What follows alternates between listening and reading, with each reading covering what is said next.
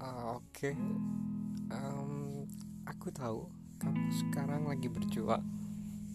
Kamu lagi melakukan hal-hal besar yang mungkin itu adalah impianmu, atau mungkin sebenarnya itu adalah kamu menghormati seseorang hingga akhirnya kamu melakukan hal itu. Tidak apa-apa, itu karena itu satu hal yang baik. Namun di sisi hal bahwa tidak heran jika terkadang kesuksesan harus mengenyampingkan kebahagiaan.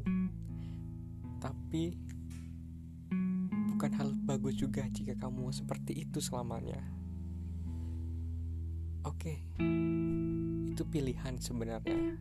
Tapi bukankah lebih baik jika kamu sukses, kamu pun tetap peduli dan menyayangi orang-orang yang sayang padamu? Itu saja.